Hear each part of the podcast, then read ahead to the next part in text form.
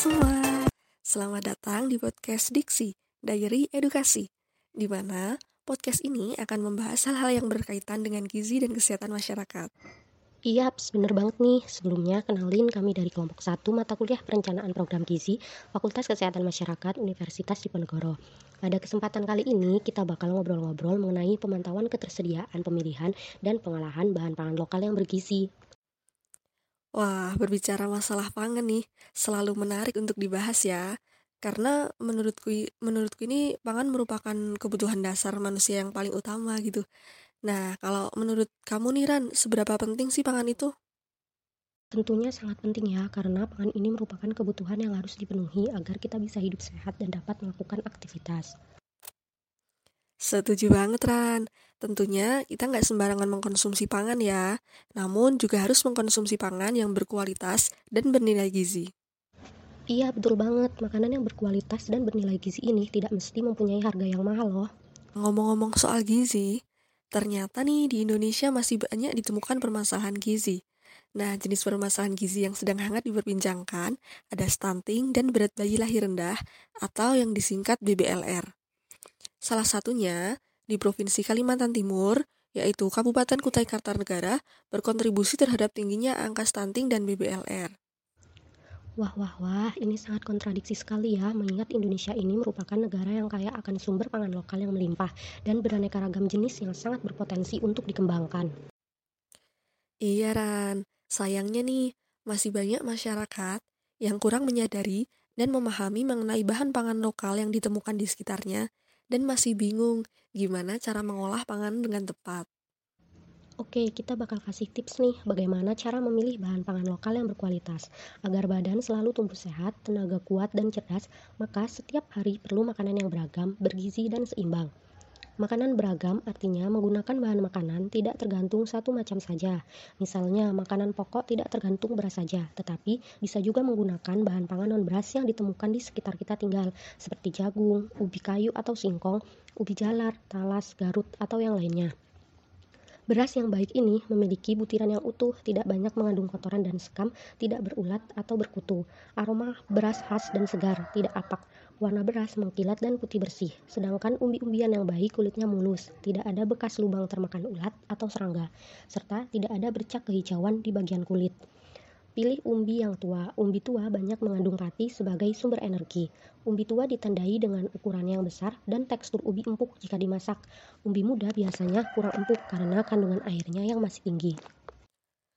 Nah, agar tercipta menu yang seimbang, Tentunya menu masakan harus mengandung unsur gizi yang lain, seperti ada protein nabati dan hewani. Untuk sumber protein hewani bisa berupa daging, ayam, ikan, telur, dan susu.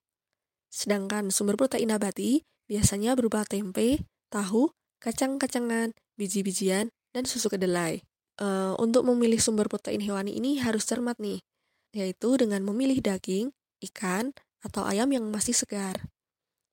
Daging dan ayam yang segar ditandai dengan warnanya yang sang, yang merah segar, tidak ada bercak kebiruan, tidak berlendir, dan beraroma segar khas daging. Untuk jenis ikan, sebisa mungkin pilih ikan yang masih hidup.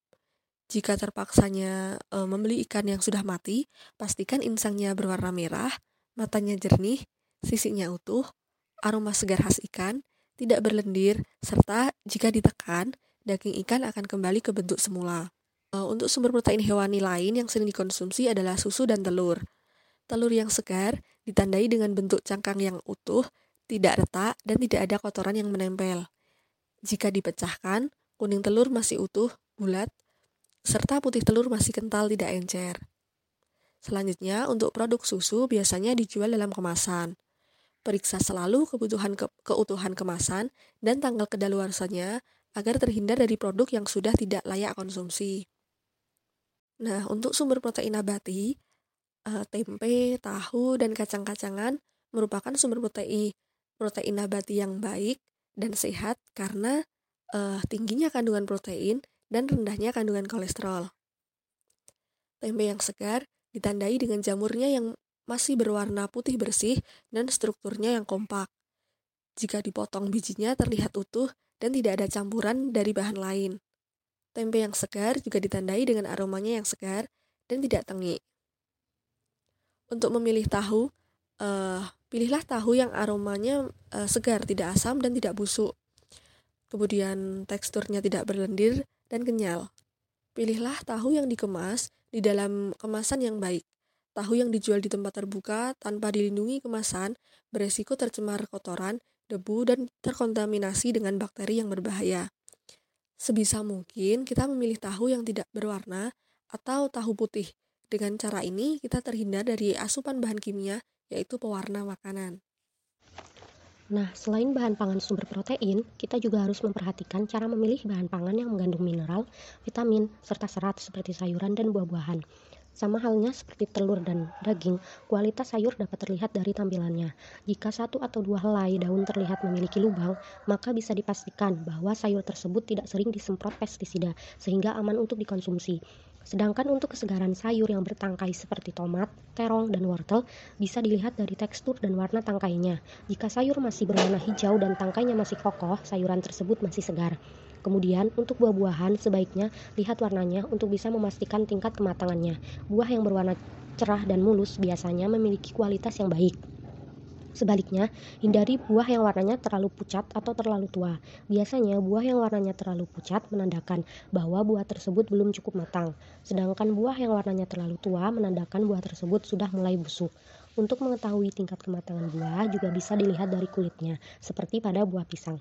Pisang yang masih segar biasanya memiliki kulit yang bagus dan tidak rusak, sementara pisang yang tidak segar biasanya ditandai dengan kulit yang mulai keriput, lembek, atau rusak. Aroma dari buah-buahan juga dapat dijadikan sebagai acuan untuk menentukan apakah buah tersebut masih segar atau tidak.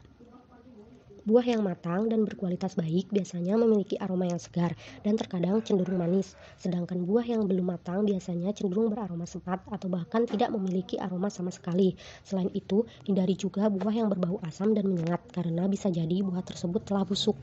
Selain tips memilih bahan pangan lokal yang berkualitas dan aman untuk dikonsumsi, kita juga perlu memperhatikan proses pengolahan bahan pangan tersebut agar kandungan gizinya tetap terjaga. Karena Cara memasak yang salah dapat menghilangkan manfaat dari bahan bah dari bahan makanan itu sendiri, terutama pada sayuran. Nah, memasak sayuran nih jangan terlalu lama pada suhu tinggi atau dengan air terlalu banyak, karena itu akan mengubahnya menjadi bubur yang hambar dan menghilangkan nutrisinya. Sebelum memasak, pastikan untuk selalu mencuci bahan pangan terlebih dahulu dengan benar agar bersih dari bakteri, kuman, maupun sisa pestisida. Untuk sayuran, dapat dilakukan dengan mencuci di bawah air yang mengalir dan sebaiknya hindari merendam dengan air karena ini e, akan menghilangkan kandungan vitamin dan mineralnya. Metode merendam hanya dapat digunakan untuk membersihkan ikan dan daging. Untuk sayur, cucilah sayur dengan seksama hingga selai-selai tangkai. Lalu, diamkan sebentar sebelum dilanjutkan proses memasak. E, untuk e, daging, agar daging tidak amis dan kenyal, kita bisa menambahkan sedikit garam selama proses perendaman. Garam tersebut ditaburkan setelah daging dicuci terlebih dahulu. Nah, biar kandungan gizi makanan tidak hilang, kita bisa memotong daging dan sayuran dengan ukuran sedikit lebih besar untuk setiap bagian makanan. Hal ini bertujuan agar makanan tidak cepat lembek atau berubah tekstur karena dipanaskan atau digoreng. Setelah itu, langkah yang perlu diperhatikan selanjutnya yaitu metode memasak. Untuk sayuran, kita dapat memilih metode mengukus atau menumis. E, kedua teknik tersebut e, dapat mempertahankan rasa, warna, dan kandungan gizi pada sayuran. Sementara pada daging dan ikan, metode memanggang dan menggoreng bisa dilakukan. Namun, selalu pastikan untuk memasak dengan api sedang agar makanan tidak terlalu matang dan menghilangkan nilai gizinya. Hal ini juga berlaku untuk teknik menumis sayuran, terutama sayuran berdaun yang cepat layu. Wah, pembahasan kita kali ini sangat menarik dan uh, tentunya bermanfaat banget ya buat kehidupan sehari-hari kita nih. Tentunya dong, wah gak kerasa ya, kita sudah ngobrol panjang kali lebar kali tinggi. Nah, itu tadi sesi ngobrol-ngobrol dari Diary Edukasi episode ini. Semoga podcast ini memberikan informasi yang bermanfaat untuk kalian semua. Terima kasih sudah mendengarkan podcast kami. Sampai jumpa di podcast selanjutnya.